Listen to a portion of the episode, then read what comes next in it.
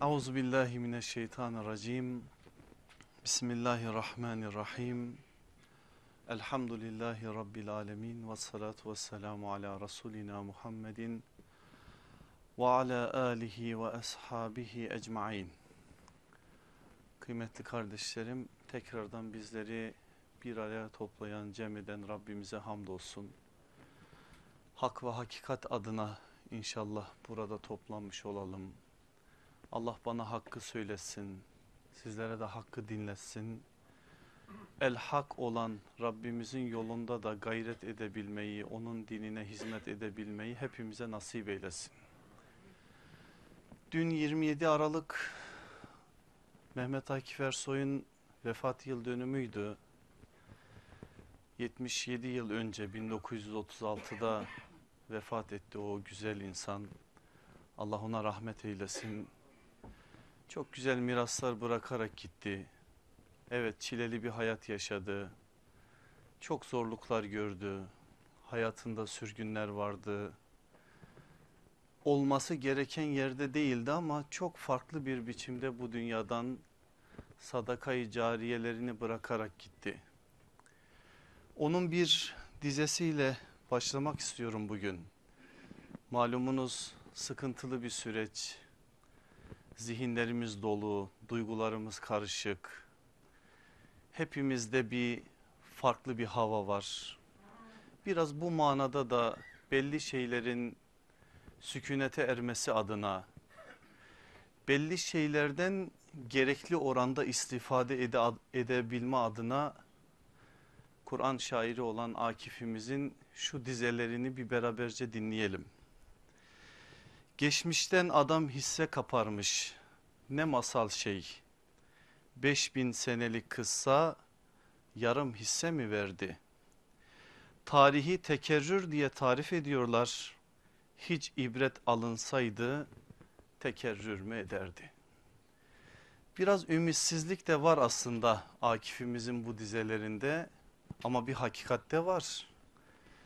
Eğer İslam ümmeti tarihini doğru okusaydı ve gerçekten güncelleştirerek okusaydı, tarihle canlı bir bağ kursaydı, örnek ve ibret tablolarını tam anlamıyla anlasaydı, kavrasaydı, belki de biz birçok tarihi meseleyi tarih içerisinde bir kez yaşayacaktık ve bir daha yaşamayacaktık. Ama gelin görün ki ümmetin hiç Uhud'ları bitmedi. Uhud'da bir şeyler yaşandı, bir şeyler oldu. Arkasından ayetler geldi, sahabe alacağını aldı. Ama hemen arkasından gelenler Uhud'u bir daha yaşadılar. Huneyn'de mesela farklı bir mülahazaya kapı açtı sahabi efendilerimiz. Sayılarına takıldılar, güçlerine takıldılar, bir şeyler söylediler. Cenab-ı Hak tabir caiz ise eğer onları hizaya çekme adına çok farklı bir alan ile farklı bir hal ile onları imtihan etti Huneyn'in meydanında. Ama arkasından gelenler yine Huneyn yaşamaya devam ettiler. İşin örneklik tabloları da böyle sadece olumsuzlukları konuşmak doğru değil. Aleyhissalatü vesselam Efendimizin hayatında birçok bugünün dünyasına da taşınacak ve örnek alınabilecek modeller var. Hadi biz süreci normal bir halde işletelim. Gelin Hazreti Ebu Bekir'in hayatına Allah Resulü aleyhissalatü vesselam vefat etmiş ve bir anda Hazreti Ebu Bekir 14 cephede cihat verme durumunda kalmış. Zekat vermeyenler bir tarafta, irtidat edenler bir tarafta, İslam'ın siyasal anlamda otoritesini kabul etmeyenler bir tarafta, yalancı peygamberler bir tarafta, bir tarafta da Resulullah'ın emanet olarak bıraktığı Üsame ordusu her şeyin içerisinde Hazreti Ebu Bekir'in gerçek bir devlet başkanı olarak İslam'ın devlet başkanı olarak attığı adımlar önümüzde duruyor. Ama biz sadece okuyoruz onları sadece bu meclislerde bırakarak okuyoruz. Bir Ömer ufku var mesela tarihte. Bir Ömer ufku ki bambaşka bir ufuk. O Ömer ufkunu anlamak ve bugünün dünyasına taşımak neler neler söylenir o, ma o manada. Bir Hazreti Osman'ın hilafet süreci var 12 yıl süren süreç. İslam'ın 3. Raşid halifesi peygamberin şehri olan Medine'de kendi evinde rahlenin başında Kur'an okurken yine Kur'an okuyan adamların eliyle sözde Kur'an okuyan adamların eliyle şehit edilişi var ve fitne kapılarının açılması değil kırılışı var büyük insan Hazreti Ömer'in ifadesiyle. Ne kadar istifade etti Hazreti Osman'ın şehadetiyle bu ümmet? O süreci ne kadar anladık? Ne kadar biz güncelledik ve bugünün dünyasına taşıdık? Alın size bir dert. Gelin Hazreti Ali'nin hilafet günlerine. Ali demek zaten dert babası demektir. Her adımında bir dert, her adımında bir sıkıntı. Bir kardeş kavgası olan Cemal'i yaşamış en üst düzeyde. Saltanat ile imamet arasındaki kavgayı yaşamış sıfında en üst düzeyde. Cehalet ile ilim kavgasını vermiş Nehveran'ın meydanında cahil zümreye karşı en üst düzeyde. Ne kadar anladık biz bunları? Ne kadar anlayarak bugünün dünyasına yorumladık ve karşılaştığımız sorunları yorumlama noktasında bunlardan istifade ettik. Eğer anlaşılsaydı Cemel Sıfın buralara gelmeye gerek yok oralara gidelim.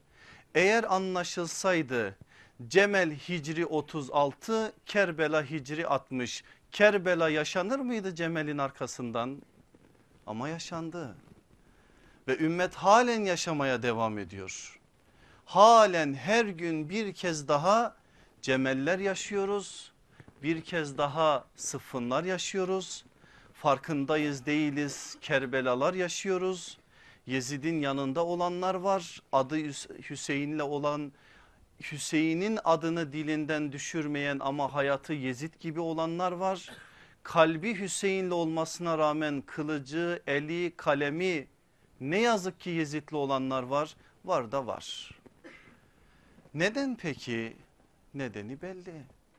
Biz her okuduğumuzu tarihte bıraktığımız gibi Kur'an şairimizin ifade ettiği gibi ne yazık ki gerçek manada ders alamadığımız gibi ne yazık ki Rabbimizin istediği oranda haşyet duygusunu, ihsan şuurunu, ihlas derinliğini kaybettiğimiz için ne yazık ki hep duvarlara takılıp duvarların arkasını göremediğimiz için ne yazık ki ne de, niceden beridir takva elbisesini üzerlerimizden çıkardığımız için Allah'ın nuruyla bakmayı Allah bize nasip etmediği için yapamıyoruz, edemiyoruz, sıkıntılar yaşıyoruz.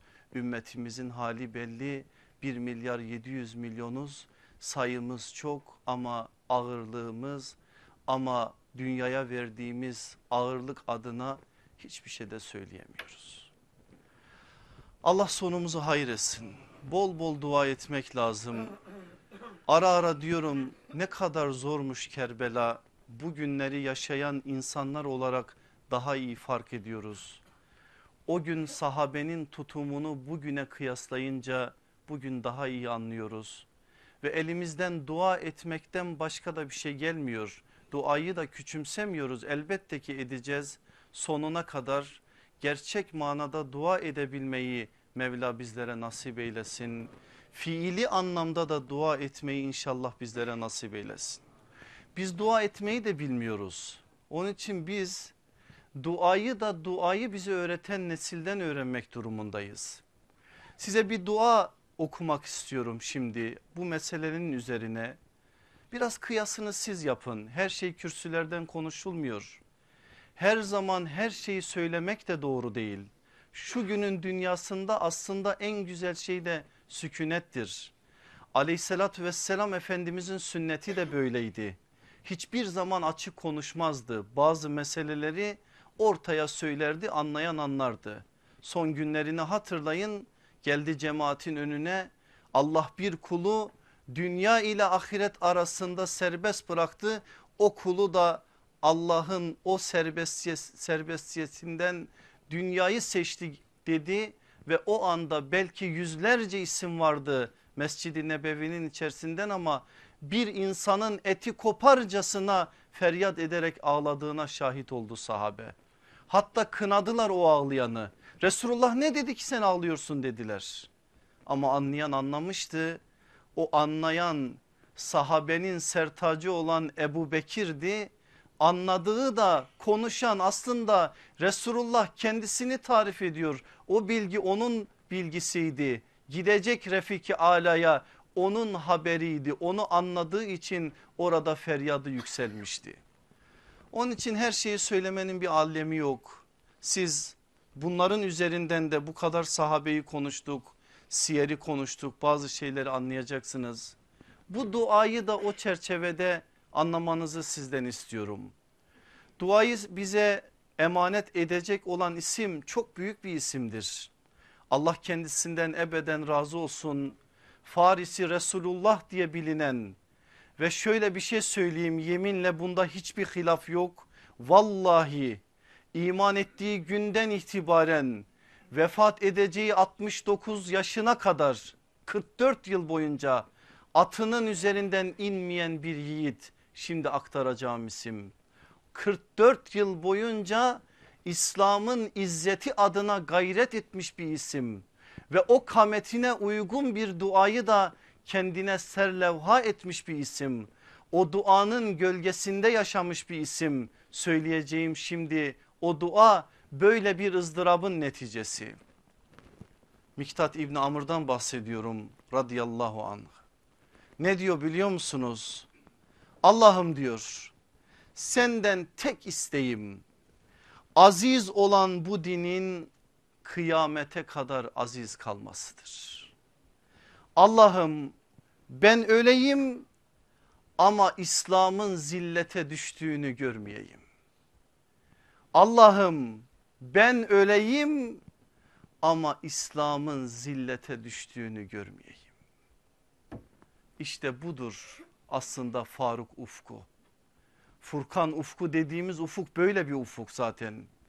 Yani hiçbir zaman kendisini düşünmeden neyi var neyi yoksa İslam'ın selameti uğruna feda eden hiçbir zaman nefsinin arzu ve isteklerini başkalarına din diye dayatmayan hiçbir zaman kendi isteğini arzusunu şuyunu buyunu İslam'ın selametinin önüne almayan ufuktur bu ufuk ve bu ufuk bu sözü kendisine serlevha edindiği için bir ömür bu duanın gölgesi altında yaşıyor.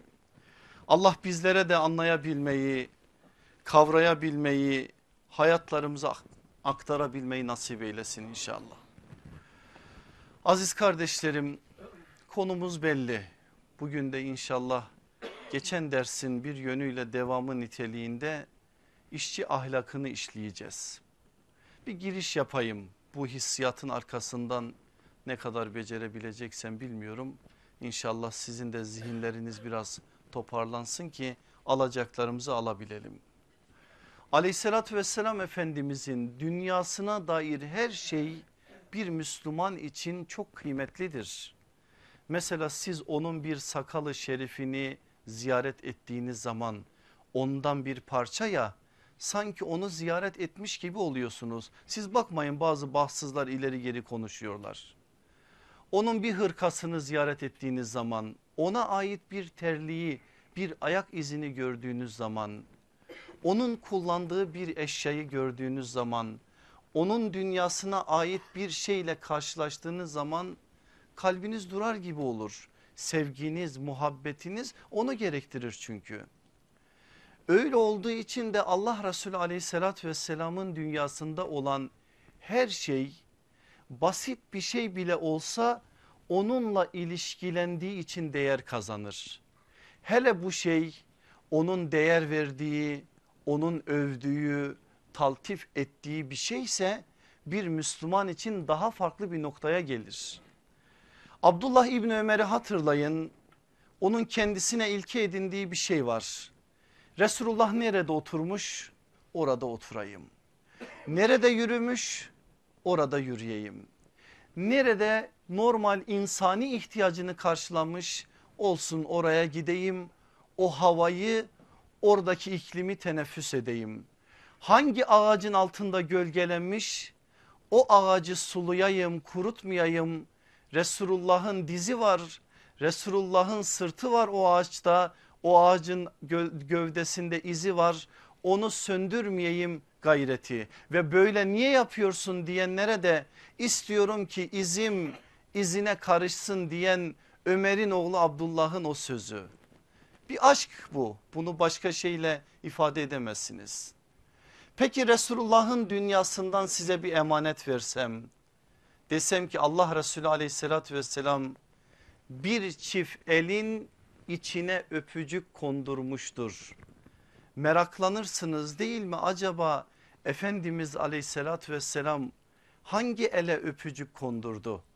Hangi eli öptü ki ben de varsam ona benzer bir el ele öpücük kondursam da belki onun dudaklarının değdiği yere benim de dudaklarım değerse 14 asır sonra İbni Ömer gibi izim izine karışsın diyerek bir adım ortaya atmış olabilirim. Resulullah'ın öpücük kondurduğu elleri biliyorsunuz. Helal lokma adına gayret gösteren bunun içinde nasırlaşan ellere öpücük kondurmuş sizin peygamberiniz. Sad bin Muaz'ın ismini naklediyor hadis kaynakları bize. Muaz İbni Cebel'in ismini ka kaydediyor hadis kaynaklarımız bize. Bazıları isim karıştırması olarak anlıyorlar ama ben öyle anlamıyorum. İhtimal ki iki defa yapmıştır Efendimiz bunu.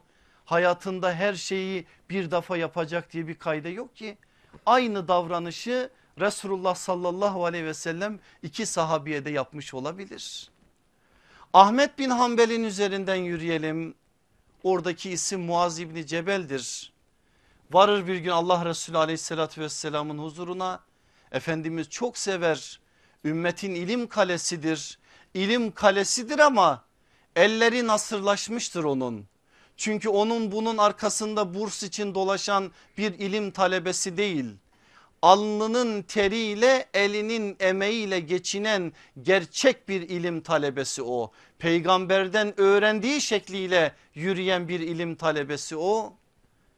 Allah Resulü ellerini uzatıyor onunla musafaha yapmak için o ellerini vermiyor. Muaz niye vermiyorsun? Ya Resulallah tarlada biraz çalıştım ellerim nasırlaştı sizi incitmek istemiyorum diyor. Uzat ey Muaz uzat diyor. Uzatıyor ellerini ve Efendimiz iki eline de birer öpücük konduruyor. Sonra kaldırıyor o eli. Bu el var ya bu el Allah ve Resulünün sevdiği eldir ve bu ele Allah cehennem ateşini dokundurmayacaktır. Neden? Helal lokma, başkasına el açmama, kimseden bir şey istememe, kimseye yük olmama, kimsenin sırtından yürümeme, kendi alnının teriyle, elinin emeğiyle, gözünün nuruyla bedel ödeyerek yaslanmadan yürüyen bir kameti taltif etmek için. Soruyorsunuz bana bazen ölmüş sünnetleri diriltelim de asrı ahır zamanda yüz şehit sevabını alalım alın size sünnet. Gidin nasırlaşan elleri öpün. Taltif edin takdir edin. Eğer bir insan birine yük olmamış bu manada kendi alnının teriyle helal lokma adına gayret göstermişse o adam takdir edilecek adamdır ve onu takdir etmek sünnettir işte. Senin peygamberin sallallahu aleyhi ve sellem bunu yaptı bunu örnek olarak bize gösterdi. Neyin işareti bu? Helal lokmanın önemini gösterme adına bir insanın başka bir insana yaslanmadan yürümesinin önemini insanlara gösterme adına. Size çok örnekler anlattım aslında geçmiş derslerden. Anlatmadıklarımı anlatacağım bugün. İmam Muhammed Kitabul Kesbinde bize aktarıyor. Şimdi size aktaracağım bir rivayeti. Ashabtan bir tanesi bize aktarıyor. Diyor ki Resulullah sallallahu aleyhi ve sellemle bir yere doğru gidiyorduk. Bir ara durdu Efendimiz karşıya bakıyor. Biz de merak ettik Efendimiz neye bakıyor? Baktı ki karşı tarafta genç güçlü kuvvetli birisi tarla işleriyle bahçe işleriyle uğraşıyor ama büyük bir aşkla oraya koşuyor buraya koşuyor onu alıyor bunu veriyor Efendimiz de onu seyrediyor. Olayı nakleden sahabe efendimiz diyor ki biz herhalde Efendimizin durup o zatı seyretmesini farklı bir biçimde anladık ve şöyle yorumladık. Efendimiz diyecek ki şu adama bak bu kadar aşkla şevkle dünya işiyle bu kadar uğraşıyor. Güçlü kuvvetli keşke bu yolun gücünü kuvvetini Allah yolunda harcasa ve içimizden biri bu sözü söyledi.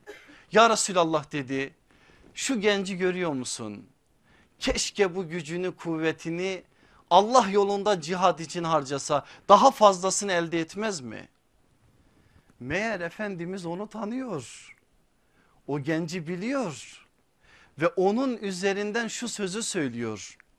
O genç insanlara muhtaç olmamak, ona buna el açmamak, evde yemek bekleyen küçük çocuklarına, hanımına, ihtiyar anne ve babasına bakmak için yaptığı bu gayret Allah yolunda cihat gibidir.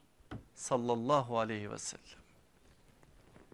Peygamberimiz söylüyor.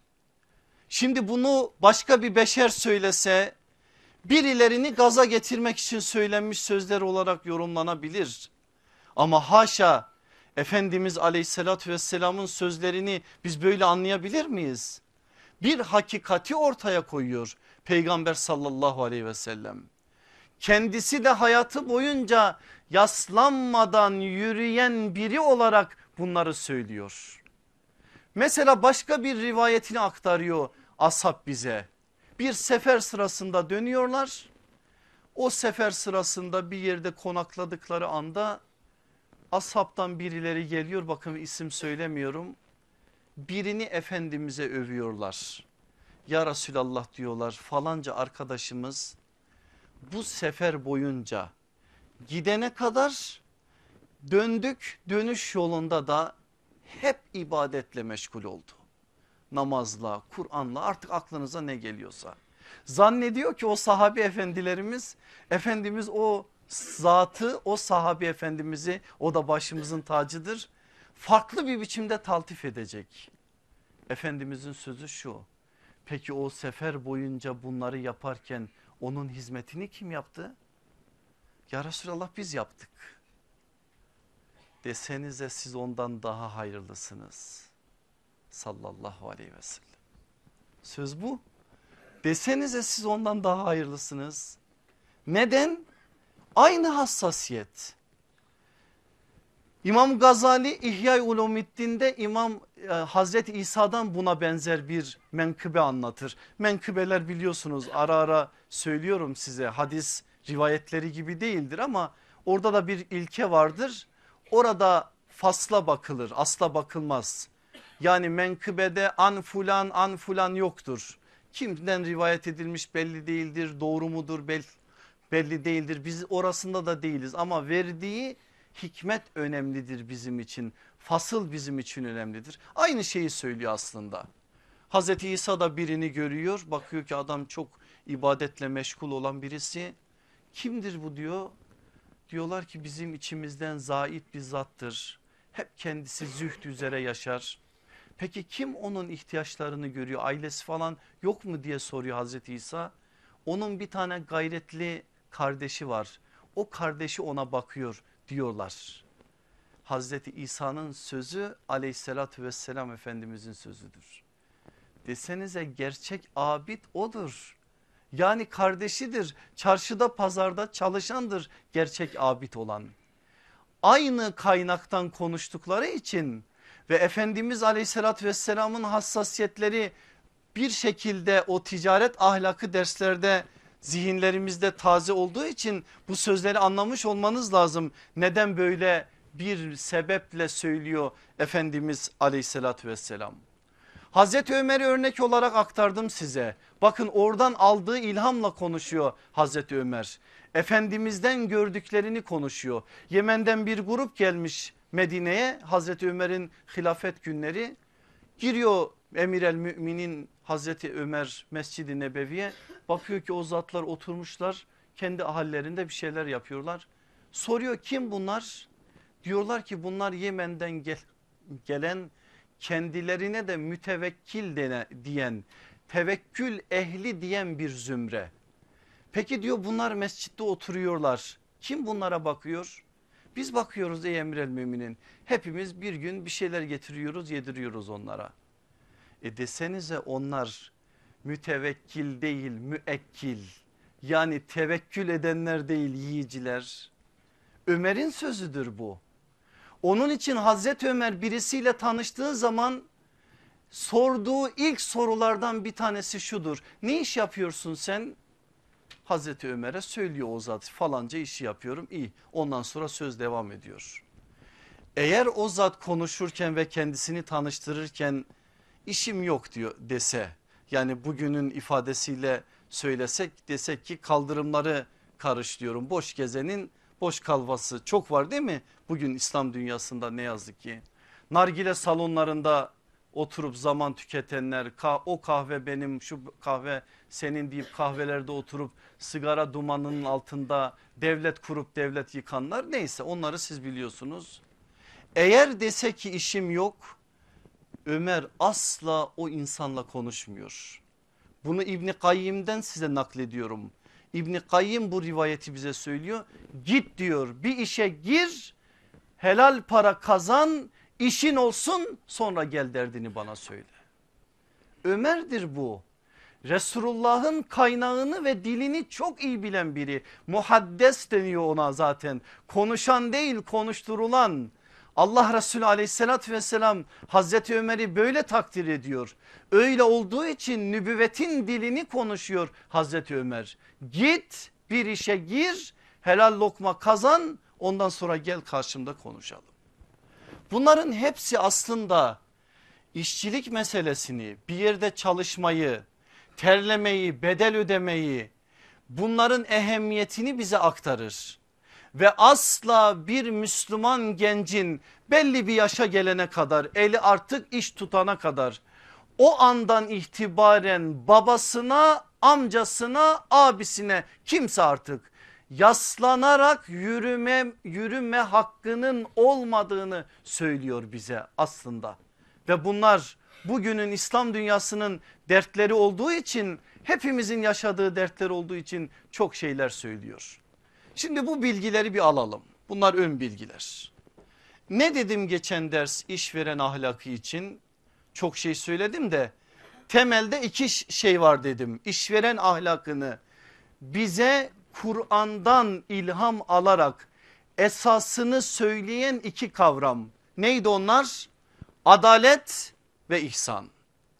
Şimdi işçi ahlakına gelin. Yine aynı Kur'an iman ettiğimiz o kelamı kadim o büyük kelamımız Rabbimizin en büyük tenezzüla, tenezzülatı olan o yüce kelam işçi ahlakının da temelini veriyor bize ve yine iki kavramla veriyor ve direkt bir işçi ahlakının üzerinden veriyor. Nereyi söylüyorum? Hasas süresini söylüyorum.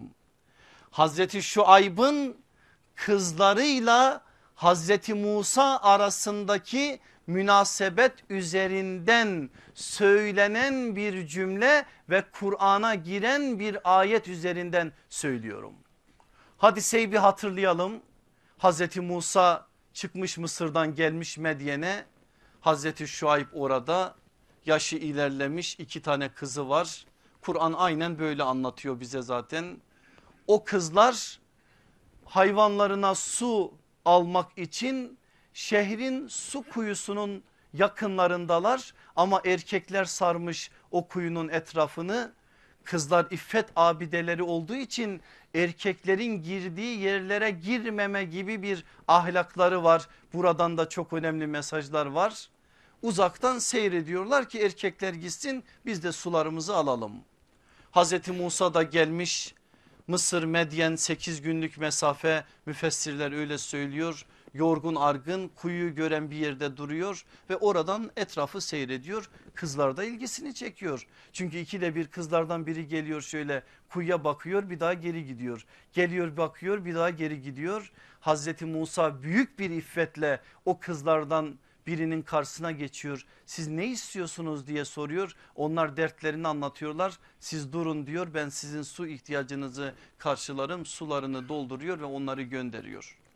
Hazreti Şuayb'ın bu iki kızı babalarının yanına gittikleri zaman başlarından geçeni anlatıyorlar. Ve Hazreti Musa'nın bu konudaki ihsanından bahsediyorlar. En sonda o kızlardan bir tanesi diyor ki ayetin meali aynen şöyledir. Şu aybın iki kızından biri babacığım onu ücretle tut. Çünkü ücretle istihdam edeceğin en iyi kimse kavi ve emin olandır. İki tane şey söyledi bakın. Ayet daha devam ediyor. Sonra Musa gelecek. Hazreti Musa Hazreti Şuayb'la konuşacak. Belli bir anlaşma üzerine anlaşılacaklar, anlaşacaklar.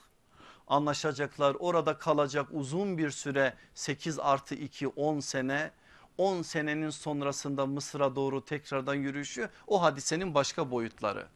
Ama sadece bu kıssa bize iffetin önemini öğretir. Şuayb ile Musa arasındaki talebe hoca ilişkisinin en ideal halini öğretir. Nikahın bereketini ve nikahın önemini öğretir. İffetin kadın için önemini öğretir İffetin erkek için önemini öğretir. Dikkat buyurun erkek için de söylüyoruz iffet sadece kadınlara has bir şey değil. İffet içinde erkekler için de iffetin önemini söyler. Bunların ötesinde bir de Kur'an'da ideal işçinin ahlakının temelini bize verir. Neymiş? Kavi ve emin. İşveren adalet ve ihsan, işçi Kavi ve emin. Kavi güçlü. Ne için lazım işçiye güçlü? O işe ehliyet sahibi olmalı. Yani o işin üstesinden kalkacak bir düzeyde olmalı. Dolayısıyla kavi kavramının bize verdiği kavram aslında ehliyettir. Emin de emniyettir. O halde işçinin ahlakının esası neymiş? Emniyet ve ehliyet. Bakın Kur'an'dan iki kavram aldık. Peki öyle mi halimiz? Emniyet ve ehliyet ne kadar İslam dünyasında bugün işçi konumunda olan kardeşlerimizin, abilerimizin, amcalarımızın neyse artık konumları onların hayatlarında izhar olunuyor. Allah rahmet eylesin çok ilginç tespitleri var biliyorsunuz İbni Haldun'un büyük bir İslam sosyologudur. Bu da sosyal bir mesele olduğu için ara ara size bu derslerde aktarıyorum bazı şeyleri. Ona göre yok. Ona göre kavi ve emin olan işçi yok. Şöyle de bir tespiti var. Eğer bir işçi hem emniyet sahibi hem ehliyet sahibi olsa işçi olarak kalmaz. Zaten onun aklı iyi çalışır o biraz bir an önce hemen kendi işinin patronu olur. Öyle dahi olsa bir dönem işçiliği vardır aslında. Mesela İbni Haldun artık buradan yola çıkarak bu tarz şeylerden ilham alarak işçileri dört sınıfa ayırır. Bakın ne diyor? Bir diyor güvenilir ve becerikli olanlar. İki ne becerikli ne de güvenilir olanlar. Üç becerikli ama güvenilir olmayanlar. Dört güvenilir ama becerikli olmayanlar. Birinci söylediği aslında o iki kavrama uyuyor. Güvenilir ve becerikli olanlar emniyet ve hediyet sahibi. Bunlar olmaz diyor bunlar az. Ya çok zengin çok hali vakti yerinde insanlara işçi olur bu tarz adamlar ya da böyle oldukları için kendi işlerinin patronları olurlar.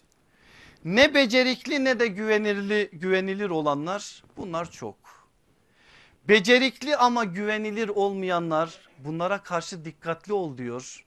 Adamın elinden her iş geliyor. Becerik var, becerik var. Ehli, bir işler çeviriyor elinden işler geliyor ama O elinden gelen işler sana da zarar verebilir. Onun için onlara karşı dikkatli ol diyor. Eğer diyor sen bulamazsan bu sınıfa sınıfın ideal halini o zaman güvenilir ama becerikli olmayanı tercih et. En azından zarar görmesin diyor. Belki realite böyle ama artık bizim bazı şeyleri Kur'an ahlakı çerçevesinde aleyhissalatü vesselam efendimizin gerek sözleriyle gerek davranışlarıyla bize örnek ve model olarak gösterdiği çerçevede yeniden bir kez daha düzeltmemiz gerekiyor. Biliyorum içinizde işçi kardeşlerim de var. Şimdi onlara ve hepimize çünkü geçen ders ne dedim? Hepimiz bir yönüyle işvereniz bir yönüyle işçiyiz. Ne demek ne demeyi kastettiğimi de söylemiştim onun için tekrara girmiyorum. Yine aynen işveren ahlakı gibi 5 tane temel ilke vereceğim işçi ahlakıyla alakalı. Sözler benim ama kaynağı Allah Resulü aleyhissalatü vesselamın sözleri ve uygulamaları. Bir, rezzak olan Rabbin tüm rızıkları kulları arasında taksim etmiştir. Sana da bundan belli paylar düşmüştür. Haline ve rızkına rıza göster ki haddi aşmayasın. Birinci ilkemiz bu. Bir daha tekrar edeceğim için şimdi sadece söyleyeyim. İki, sana tevdi edilen her iş bir emanet, sen ise emanetçisin. Emanete ihanet etme ki nifaka bulaşmayasın. Üç, geçimini temin ettiğin kapıyı kendi işin gibi görmelisin çalıştığın iş yerine iş yerini kendine aitmiş gibi sahiplenmelisin ki işin hakkını ortaya koyabilesin.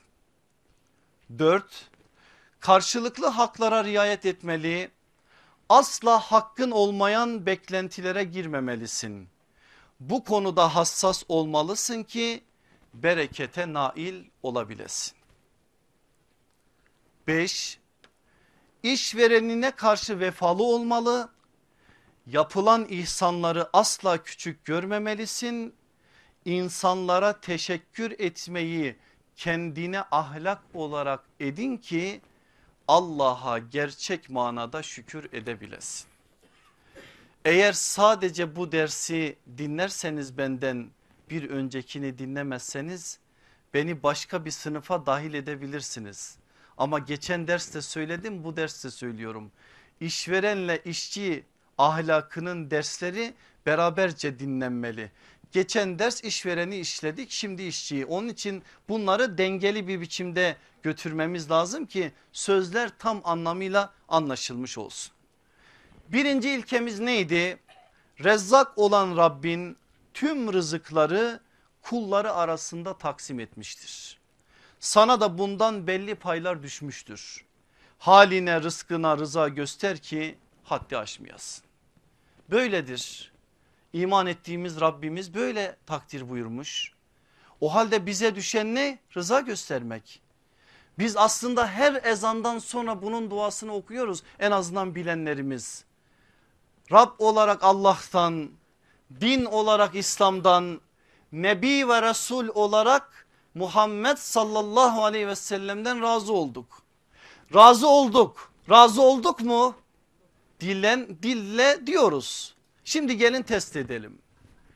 Eğer bir Müslümanın içerisinde başka bir Müslümana karşı haset duygusu varsa orada rızadan bahsedilmez. Çünkü haset rızanın düşmanıdır. Allah'a hem razı oldum diyorsun hem de başka bir Müslümana haset duyuyorsun. Ne diyorsun biliyor musun haset duyarken? Allah'ım affet beni siz de beni bağışlayın ama ancak böyle anlaşılacak. Allah'ım sen işini bilmiyorsun haşa. Eğer işini bilseydin ona vermezdin bana verirdin. Haset budur zaten. Niye haset yapıyorsun? Allah ona ikram etmiş sana da etmemiş. Eğer sen rıza makamını elde etmiş olsaydın yani Allah'tan razı olsaydın haline rıza gösterirdin. Ve senin iman ettiğin peygamberinin dediği gibi senden yukarıdakilere değil senden aşağıdakilere bakardın. Senden her daim aşağıdaki var. Beterin beteri var. Beterin beteri var. İmam Gazali'den açtım yine aklıma geldi. Birini anlatıyor bize beterin beteri var sözüne örnek olsun diye. İkiz doğmuşlar o zamanki şartlarda ayrılma yok öyle de yaşıyorlar. Sırt sırta yapışık ikiz. Sokaklarda gezerken biri birini taşıyor biraz. O yorulunca o duruyor ötekisi taşıyor. Birileri diyor ki ya bu nasıl bir ağır imtihandır? Nasıl bu ağır imtihanın altından kalkıyorsun? Diyorlar ki onlar beterin beteri var. Adam da diyor ki bundan daha beteri olur mu ya? Gel zaman git zaman o ikizlerden biri ölüyor. Ve o yapışık ikiz ölüyü taşıyor arkasında. Beterin beteri var. Ne aklınıza gelirse gelsin inanın beterin beteri var. E şimdi biz bakın halimize bir de bakın Suriye'deki kardeşlerin haline. Yanı başımızda uzağa gitmeye gerek yok. A bakın ne halde olursak olalım elhamdülillah hiçbirimiz çadırda değiliz. Hiçbirimiz şu anda karda kışta en azından buradaki cemaati söylüyorum. Zaten varsa bildiklerimiz el uzatmıyorsak o ayrı bir sorumluluk. Ben sadece buradaki cemaate söylüyorum. Hepimizin oturduklarımız evlerimiz var elhamdülillah. Kimimizin altında arabası var çoğumuzun da arabası var. Bakın park yeri almaz oluyor. Elhamdülillah. Bunların hepsi nedir? Nimettir. Ama sen bunların farkına varmazsan hep yukarılara bakarsan hep yukarılarda gözün olursa haset duygusunu içinde beslersin ve o zaman dersin işte işçiler kardeş patron bilmem ney onu o zaman dersin işte haset duyduğun için o adamın yaptığı en ufak iyiliği en ufak uyarıyı o haset duygusundan dolayı başka yönlere çekersin. Ama rıza göstersen ne gelirse bela adına, imtihan adına, zorluk adına Allah'tır gönderen. Kullar gönderir mi? Kulların elinden sadır olsa da gönderen Allah'tır ve hepsi bir imtihana bağlı olarak gelir. Ne gelirse gelsin hoştur senden gelen diyebilirsek kahrın da hoş lütfun da hoş deyip teslim olabilirsek ve içimizden bu tarz şeylerin hepsini atabilirsek Allah'ın izniyle o zaman işte söylediğimiz o rızanın altını doldurmuş oluruz.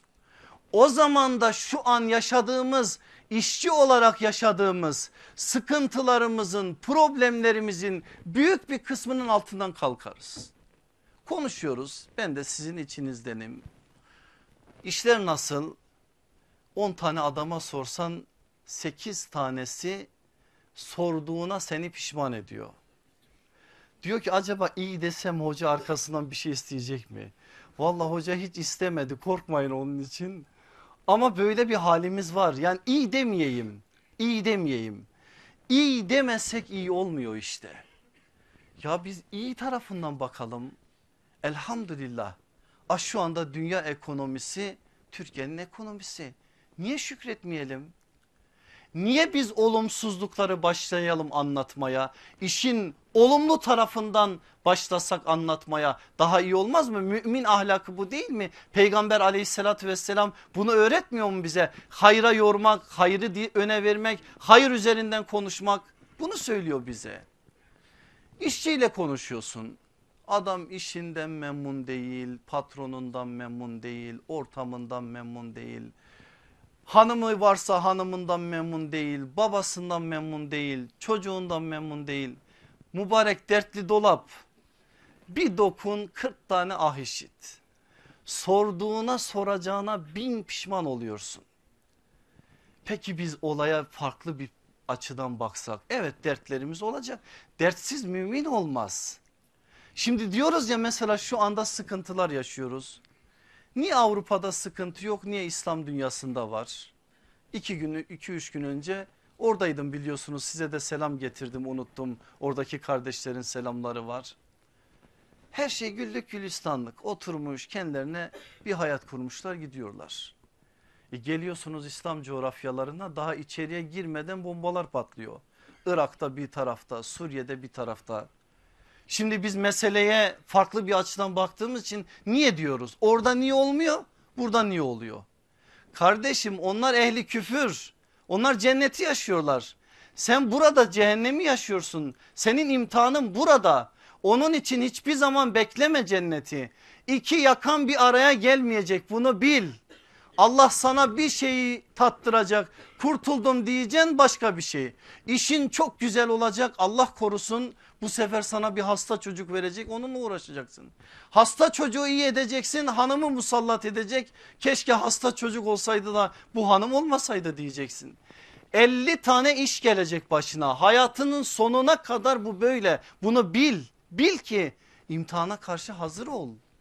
Onun için olumsuzlukları konuşmanın bize bir faydası yok. Elhamdülillah yüz binlerce kez elhamdülillah en büyük şeyi elde etmişiz. Ne o? İman. Tamam. Ondan sonrası inşallah sabredeceğiz. Ahiretteki mertebemizi arttıracağız. Allah hiçbirimize kaldıramayacağımız yükü yüklemeyecek. Duamız şu olsun Allah'ım yüklediğin yükü taşıyabilmeyi bana nasip et. Ne vermişse taşıyabileceğimizdir. Aciz olduğumuz için altında eziliyoruz. Ama onu istesek Allah'tan Rabbim bana güç ver ki verdiğim belayı, verdiğim musibeti, verdiğin derdi taşıyabileyim demektir bizden istenen. Şimdi biz meseleye işçi meselesinden baktığımız zaman da en büyük derdimizin bu olduğunu görüyoruz. Onun için bunu en başa aldım. Unutmayın bazen mahrumiyetin bazen mazhariyetin nimet olduğu gerçeğini. Anladınız mı bir daha söyleyeyim mi? Bazen mahrumiyet bazen mazhariyet. Bazen vermez sana nimet verir aslında vermemekle. Bazen verir verdiğiyle nimet verir. Hazreti Ömer'in geçen ders söylediğim sözünü hatırlayın. Sabır ile şükür iki devedir. Hangisine binersem gam yemem. Budur. İki deve önümde duruyor. Allah verir nimetin şükrünü eda ederim. Şükür devesine veririm binerim. Vermez sabır devesine binerim. Yine sahili selamete yürürüm inşallah. İkinci ilkemize gelelim. Sana tevdi edilen her iş bir emanet, sen ise emanetçisin. Emanete ihanet etme ki mifaka bulaşmayasın. Emanete ihanetin ne olduğunu biliyorsunuz. Allah kimseyi o konuma sokmasın. Ama farkına varmadan bazen emanete ihanet ediyoruz. Hele bu sahada. Bakın hepinizin bildiği bir hadis var. Allah Resulü aleyhissalatü vesselam diyor ki hepiniz çobansınız raiyetiniz altındakilerden de mesulsünüz. Hadisin devamı var aslında. Hadis bir Bukhari hadisidir. Abdullah İbni Ömer bize naklediyor Bukhari'de. Hepiniz çobansınız, raiyetiniz altındakilerden sorumlusunuz. Devlet başkanı sorumludur, yönettiklerinden mesuldür. Evin beyi yani baba sorumludur, ailenin fertlerinden mesuldür. Hizmetçi, işçi efendisinin işvereninin malından işinden sorumludur ve kendisine emanet ettiklerinden mesuldür. Allah Resulü aleyhissalatü vesselam böyle diyor. Peki sana emanet etmiş o işveren sana dükkanı vermiş. Patron içeriye girince sen bambaşka bir hale giriyorsun. Bir kalkıyorsun bir heyecan bir coşku.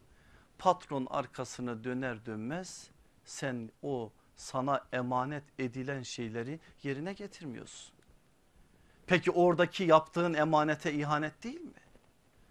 Sana orada istenen patron bakınca mı yapmaktır? Yoksa iş sözleşmesiyle belli şartlar dairesinde anlaştığınız ve sana emanet edilen o emaneti yerine getirmek midir? Öyle bir hale girmişiz ki inanın ki şimdi bir işe birini veriyorsun Bir, ta bir tane de onu kontrol edecek adam vermelisin. Eğer o adamı kontrol edecek adam vermezsen o iş yürümüyor. Ya bir işe iki adam yazık günah değil mi? Ötekinin işi ne? Onu kontrol etmek. Felaket bu başka bir şey değil. Beyimizin namaz kılmasına gelelim. Şimdi işçi ahlakını konuşuyoruz. Namaz kılması için işverenden izin alması gerekir mi? Eğer işveren Müslümansa gerekmez. Zaten bunu konuşmaya bile gerek yok.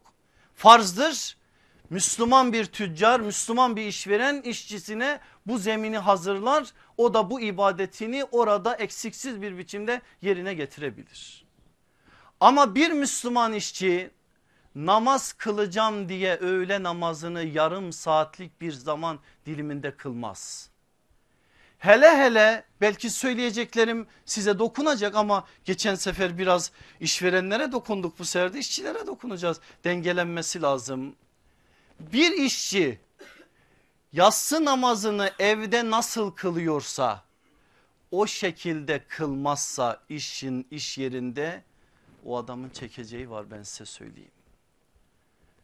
İş yerinde kılarken yarım saat abdest namaz şu bu tesbihat o biçim huşu öyle bir geçmiş ki beyimiz kendinden. Akşam geliyor eve kimse yok bakışlar yok. E, televizyonda da bir şeyler var. Başını gözünü kırarak bir yatsı namazı ondan sonra o tarafa. Hak hak. Senin iman ettiğin peygamberin diyor ki nafileleri bu farzın önüne geçiremezsin. Bu nafile nedir nafile? Tesbihat. Nedir nafile? Gece namazı. Nedir nafile? Arkasından Kur'an okuma. Bunlar nafile. Vaktin var yaparsın alırsın sevabını. Ama evine helal lokma götürme farz. Sen o farzı aksatma pahasına o nafile yapamazsın. Hocam biraz daha açık konuş gece iki saat uykusuz kalıp teheccüd namazı kılmanı istemiyor senin peygamberin. Eğer ertesi gün sen iş yerinde uykulu uykulu o işi aksatacaksan böyle bir namazın makbul değil arkadaş. Senin peygamberin bunu söylüyor. Çünkü o farz diğeri nafile. Sen namaz için böyleyse eğer işçisin çıktın işten e 5-6 saat arkadaşlarla bir geçirmek lazım. Tamam geçirdin geldin eve saat oldu 12 bir yattın sabah kalktın erkenden geldin iş yerine gözün açık ama beynin uyuyor. Esniye esniye duruyorsun. İki de bir bir şeyler yapıyorsun o halsizlikten beyin durmuş.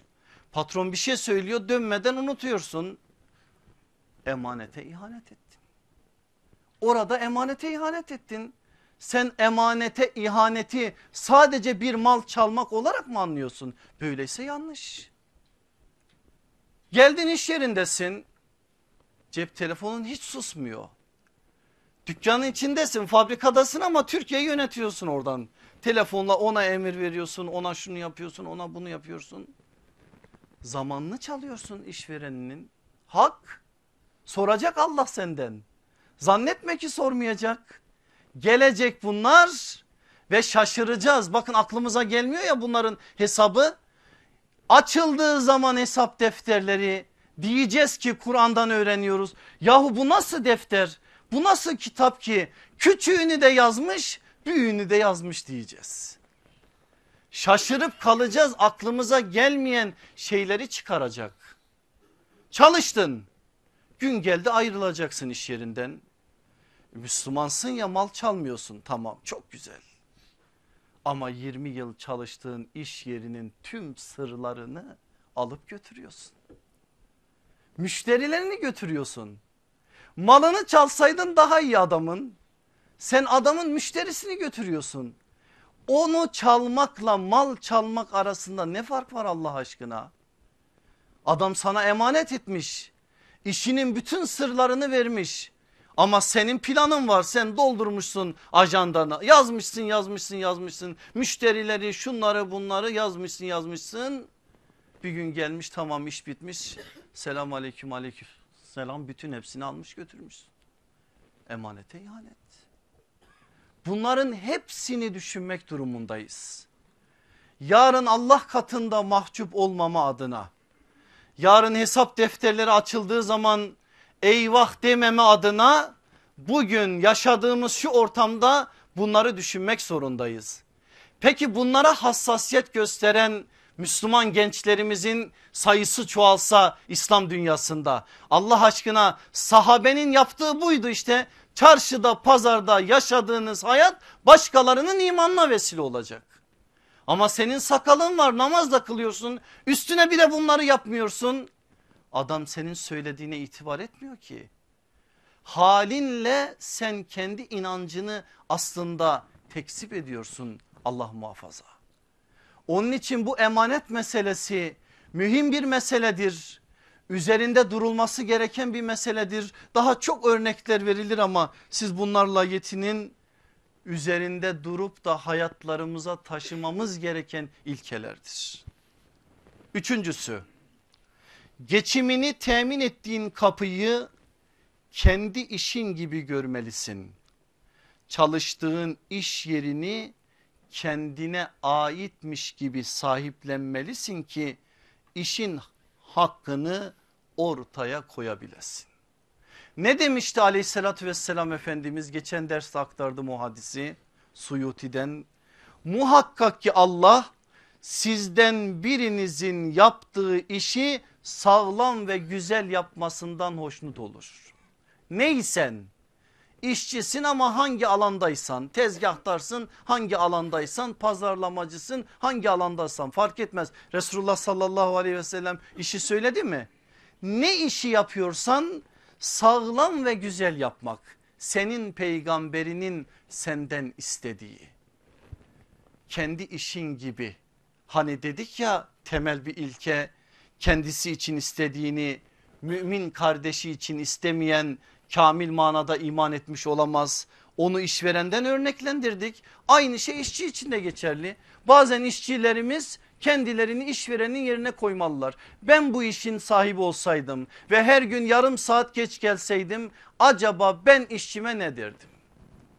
Yarım saat iş gel geç gelmeyi biliyorsun. Saat belli ama yarım saat geç geliyorsun. Çıkış saatin de belli ama bir saat öncesinden dükkanda işi bitiriyorsun. İkide bir saatine bakıyorsun. İkide bir saatine bakıyorsun. 10 dakika patron seni geç bıraksa yahu zalim adam bizi 10 dakika bak burada mahkum etti diyorsun. Ama sen 10 dakika 10 dakika 10 dakika 10 dakika her gün neler neler götürüyorsun o aklına gelmiyor. İşte burada ne yapıyor peygamberimiz? Karşılıklı yerler değiştirin diyor. Rolleri değiştirin bir o tarafa geçin bir bu tarafa geçin bir o tarafa geçin bir bu tarafa geçin. Öyle kıyaslayın ki haksızlık yapmayasınız. Sen kendi işinmiş gibi çalışsan. Şimdi bazen gençlerimiz giriyorlar işlere belli zaten girerken bile çıkmanın hesabını yapıyor. Yani orada kalıcı durmayacak. Bir iki aylık işte bir boşluk bulmuş ama girerken patrona diyor ki ben ebediyen buradayım. Neyse giriyor çıkacak ya onun için geçici orada. Hep bavulda gözü hep nasıl olsa da bir kapının yolunu bulsam kaçsamın gözü. Böyle olan bir insan verimli olmaz ki. Aslında kendine hakaret ediyor biliyor musunuz? Böyle bir hal kendine bir hakarettir. Yahu bir Müslüman ne olursa olsun ne olursa olsun mezar örneğini verdim geçen ders size. Ne olursa olsun yaptığı işin hakkını verecek. Hakkını verecek ve insanlar baktığı zaman diyecekler bakın burada bir Müslümanın eli var. Bu iş yerinde bir Müslümanın nefesi var diyecekler. Bunu dedirtmek zorundayız. Tebliğ de bu cihat da bu. Allah Resulü'nün bu meseleyi cihada benzetmesini başka nasıl anlayacağız? O da kendi işimiz olarak gördüğümüz zaman yapacağımız şeylerdir. Geçici 3 günlük 5 günlük böyle anlarsak meseleyi sadece günü kurtarırız. Abi bir akşam olsa da gitsek. Ertesi gün geliriz yine aynı tas aynı hamam. Yazık günah ama atacağımız her adım ümmetimizin üzerine bir artı katkı. Sen oradan koparıyorsun aslında. Senin kopardığın şeyler nereden çıkıyor? Haberin yok ama oradan gidiyor işte. İşte bunu yapmamak adına kendi işin olarak görmelisin Bu manada dördüncü, üçüncü başlığımız buydu. Üçtü değil mi? Gelelim dörde. Karşılıklı haklara riayet etmeli. Asla hakkın olmayan beklentilere girmemelisin. Bu konuda hassas olmalısın ki berekete nail olabilesin. Bakın beklenti meselesi burada da geldi. Bir bakayım dedim Türkiye'de işsizlik oranı ne kadar alelacele baktım şimdi Eylül ayı için 9.9 veriyorlar rakamı. Yani yüzde 10 civarında bu memlekette işsizlik var. Eylül ayında şimdi de biraz artmış diyorlar. Allah aşkına çıkın şöyle bir caddeleri gezin. Hangi dükkanın önünden geçseniz eleman aranıyor yazıyor. Hangi fabrikanın önünden geçseniz işçi aranıyor. E burada işsizlik var yüzde on bu memlekette. Hiç kimse iş bulamıyor. Garip değil mi? Bilmiyorum rastladınız mı geçenlerde Denizlili bir iş adamı koca bir ilan vermiş. Bu meseleleri de yazarak işçi arıyor. İşçi var. İş de var. İş beğenmeme var. İş beğenmiyor. Bizim gencimiz 18 yaşında 20 yaşında liseyi bitirmiş ya da liseyi de bitirmemiş. Lisenin, liseden de vazgeçmiş. İş arıyor. Tamam geliyor bir yere. Kafasında belirlediği iş şu. Masanın başında olacak. Önümde bilgisayar açık olacak. Kablosuz internet ağım olacak. Elimde cep telefonu olacak. Karşımda da te bir televizyon olsa iyi olur. Ara ara Dünya Kupası maçlarına baksam oradan iyi olur diye bir kafayla geliyor. E öyle gelen bir insan nerede iş bulacak? Ben bulsam ben de giderim öyle bir işe. Böyle bir iş var mı? O insanlar niçin para versinler size? Gireceksin, terleyeceksin, kendini göstereceksin. Adım adım adım adım belli bir yere geleceksin. Hiçbir vasfın yok ama vasıflı bir adam gibi maaş bekliyorsun. Söylemiyor bunu söylemiyor. Söylese zaten kimse bunu makul karşılamaz da şöyle bir beklenti de var. Öyle bir işim olsun ki kendim belirleyeyim gidiş geliş saatini. Böyle bir şey var mı? Kendim belirleyeyim. Zaten bir girdim işe bütün ailesi hastalanmaya ölmeye başlıyor. Dede ölüyor iki gün sonra nene ölüyor kardeşi kaçıyor bilmem ne oluyor 50 tane dert. Daha 3 ay olmamış 40 tane iş başına gelmiş. Dersin ki bütün memleketin işi o adam başında. Ya yazık günah bunlar dertlerimiz bakın biz belki gülüyoruz ama bunlar bizim acılarımız. Ben hayal bahsetmiyorum bunlar gerçekten yaşadığımız ve her gün karşılaştığımız sorunlar. Neden? Ne kendi hakkını biliyor ne işverenin hakkını biliyor karşılıklı hakları bilmiyor. Kendi hakkını da bilmiyor. Kendi haklarını birkaç tanesini öyle işin maddi boyutunda biliyor ama meselenin tamamına ait bir çerçevede bilmiyor. Ama işverenin hakkını da bilmiyor. Bilmediği için de her daim beklentisi farklı. Her daim beklentisi farklı. Ama bunda hassas olsa, bunlar belirlense, işin hakkını verme adına gayret içerisinde olsa berekete muhatap olacak. Bunu ben söylemiyorum. Bakın Efendimiz ne diyor? İlahi teveccüh, yardım işçinin çalışmasına göre iner.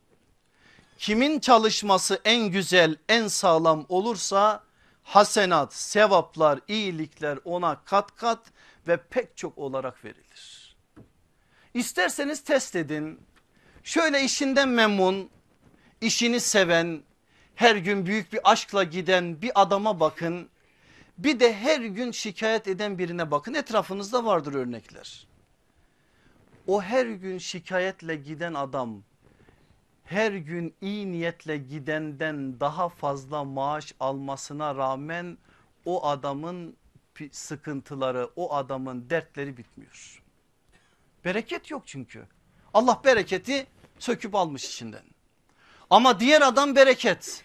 Bereketin dedim ya matematiksel bir hesabı yok o ayrı bir şey. Allah bir yere bir bereket verdi mi az çok oluyor sen de anlamıyorsun o da anlamıyor ama bereket bir şekilde işliyor.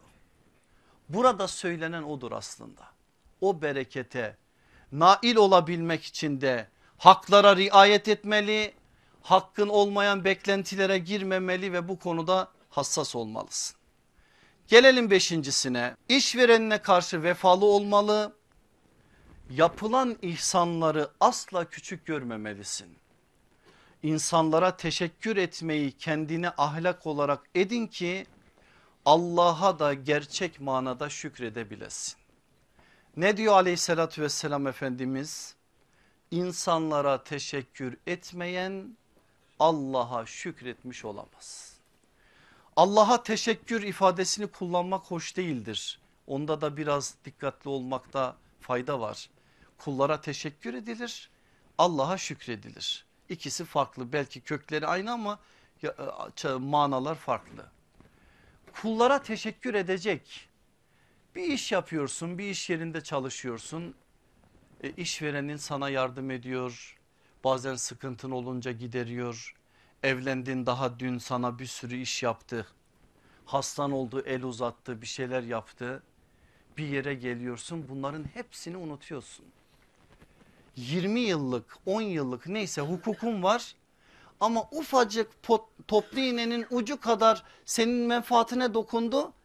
Diyorsun ki karşıdakine bana ne yaptın ki sen? Hiçbir şey yapmadın diyorsun.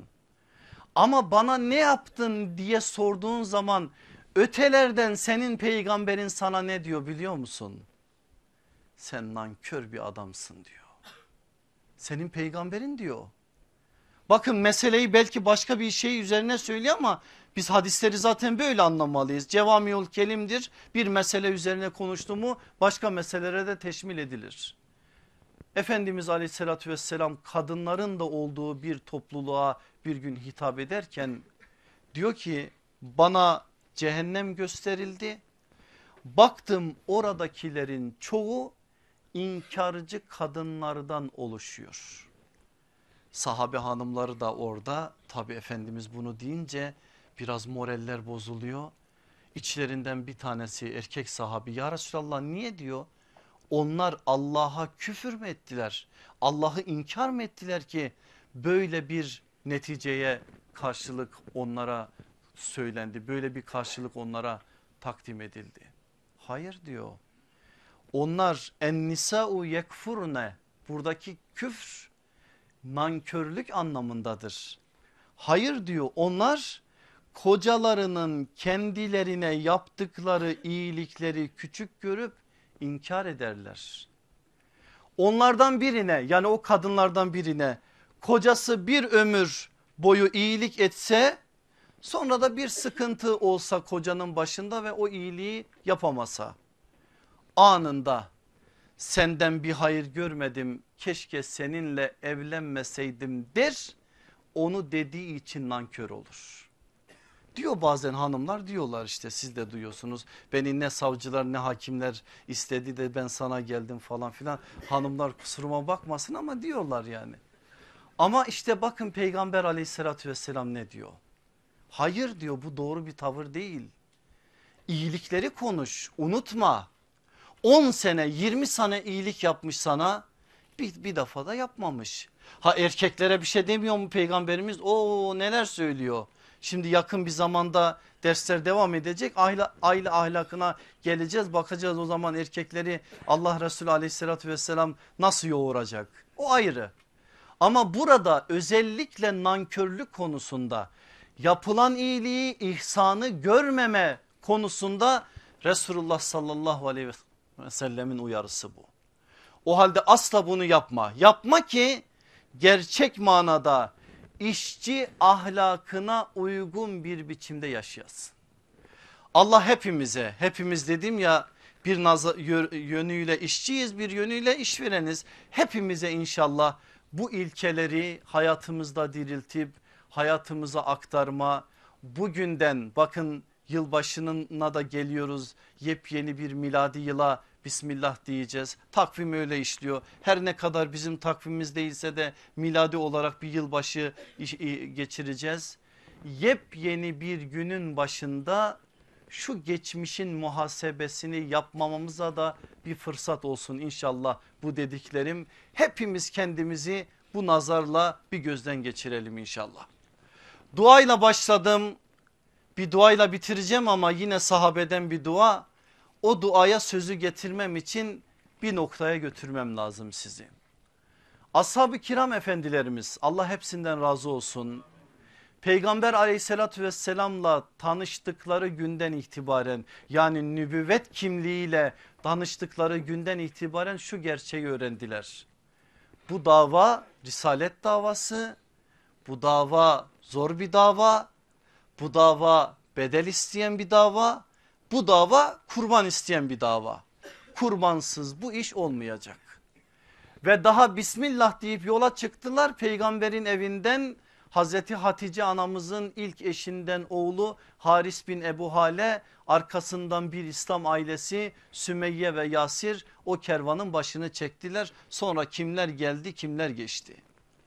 Şimdi onlar davanın ahlakının bu olduğunu öğrendikleri için meselenin ehemmiyetini öğrendikleri günden itibaren ellerini Allah'a açtıkları anda 2-3 tane bilinen bilinmeyen neyse cümleyi dile getirdikten sonra Allah'ım şehadet Allah'ım şehadet diye dua ediyorlar. O nesli bu çerçeveden biz kıyasladığımız zaman şunu çok rahat söyleyebiliyoruz. Dualarının başına şehadeti koyan bir nesil. Hele bazen de Efendimiz bir ötelerden perde açsa şehitlerin ikramından bahsetse Allah kitabında konuşsa şehitlerin ölmediğini ve Allah katında rızıklandırıldığını söylese birse bin oluyor. O özlem o iştiyak birse bin oluyor. Ve hele birisi yatağında ölecekse kendisine nasıl davranıyor? Şöyle bir bakın sahabenin ölüm tablolarına bu sözleri daha iyi anlayacaksınız. Halid'i hatırlayın yeter. Halit sen savaş meydanlarında bedeninde bir tek yaralanmayan yer kalmamış adam yüz binlerce kez haşa söz onun bir rivayete göre develer gibi bir rivayete göre kadınlar gibi yatakta ölecek adam mısın diyor. Giderken o ızdırapla gidiyor. Uhud'un arkasıdır. Abdullah İbni Amr İbni Haram o bizim bildiğimiz meşhur Abdullah İbni Amr biliyorsunuz Amr İbni As'ın oğludur. Allah babasından da kendisinden de razı olsun. Abdullah İbni Amr İbni Haram ise Cabir bin Abdullah'ın babasıdır.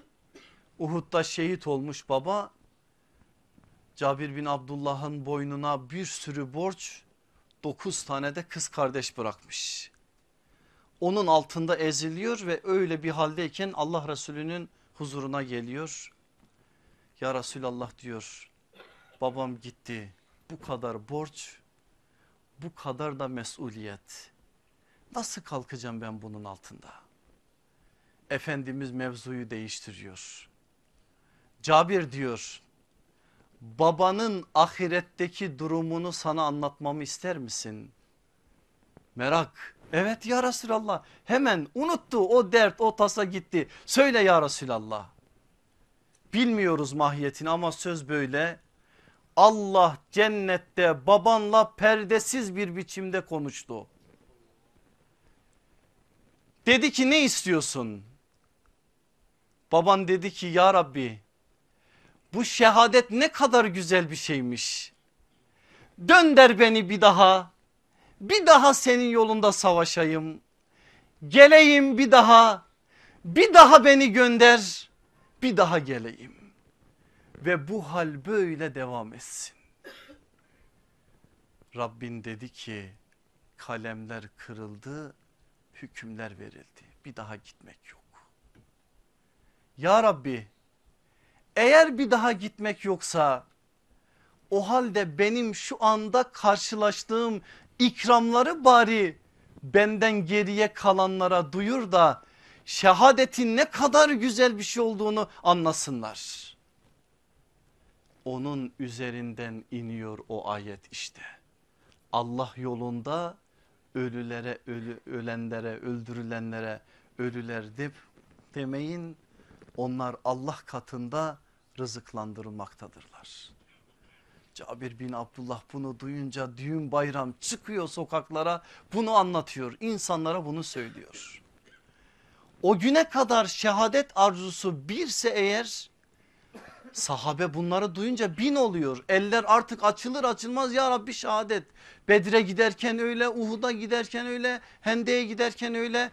Mesela biri Maune olayında Reci vakasında Efendimiz Kur'an öğretmeni istediği zaman Hubeyblerin, Zeydlerin, Amr İbni Füeyrelerin ben deyip meydana atılmaları bu bilgilerin ışığında olan bir şeydir. Arzu olduğu için yüreklerinde şehit olma adına böyle bir arzuları var.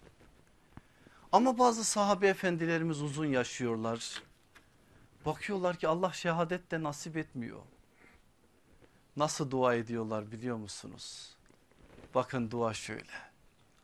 Allah'ım eğer bana yolunda şehadet nasip etmeyeceksen hiç değilse çoluk çocuğuma helal lokma getirmek için yola çıktığımda bir iş üzere canımı al.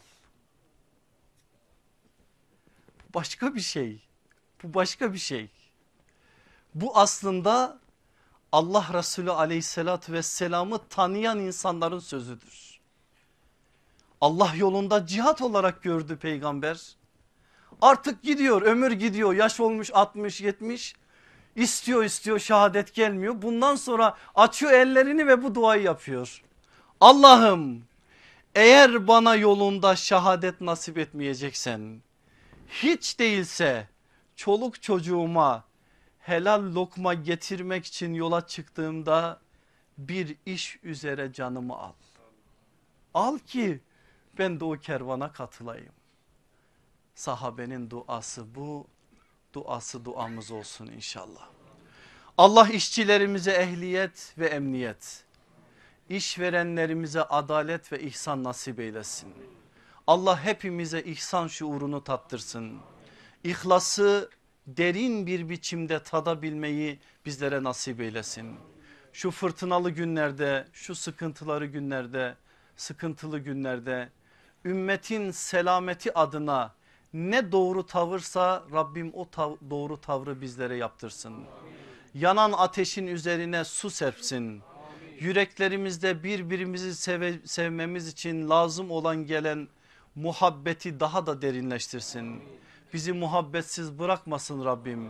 Birbirimizi imandan dolayı sevebilmeyi ve başka hiçbir şeye takıla, takılmamayı bizlere nasip eylesin. Gelen yılı geçenden daha hayırlı etsin.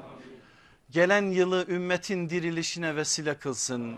Yanan, yaralanan, feryat içerisinde olan bütün ümmetimizin fertlerine Suriye'den Irak'a, Çeçenistan'dan Mısır'a bütün her tarafa başta şu yaşadığımız coğrafya olmak üzere her tarafa selamet ihsan etsin. O selameti duyurma adına bizleri kullansın. Bizleri memur eylesin. Bizleri bu alanın hadimleri eylesin. Son nefesimize kadar ilahi kelmetullah sancağını ötelere taşıma adına hakkıyla temsil etmeyi, tebliğ edebilmeyi hepimize nasip eylesin. Velhamdülillahi Rabbil Alemin. El Fatiha.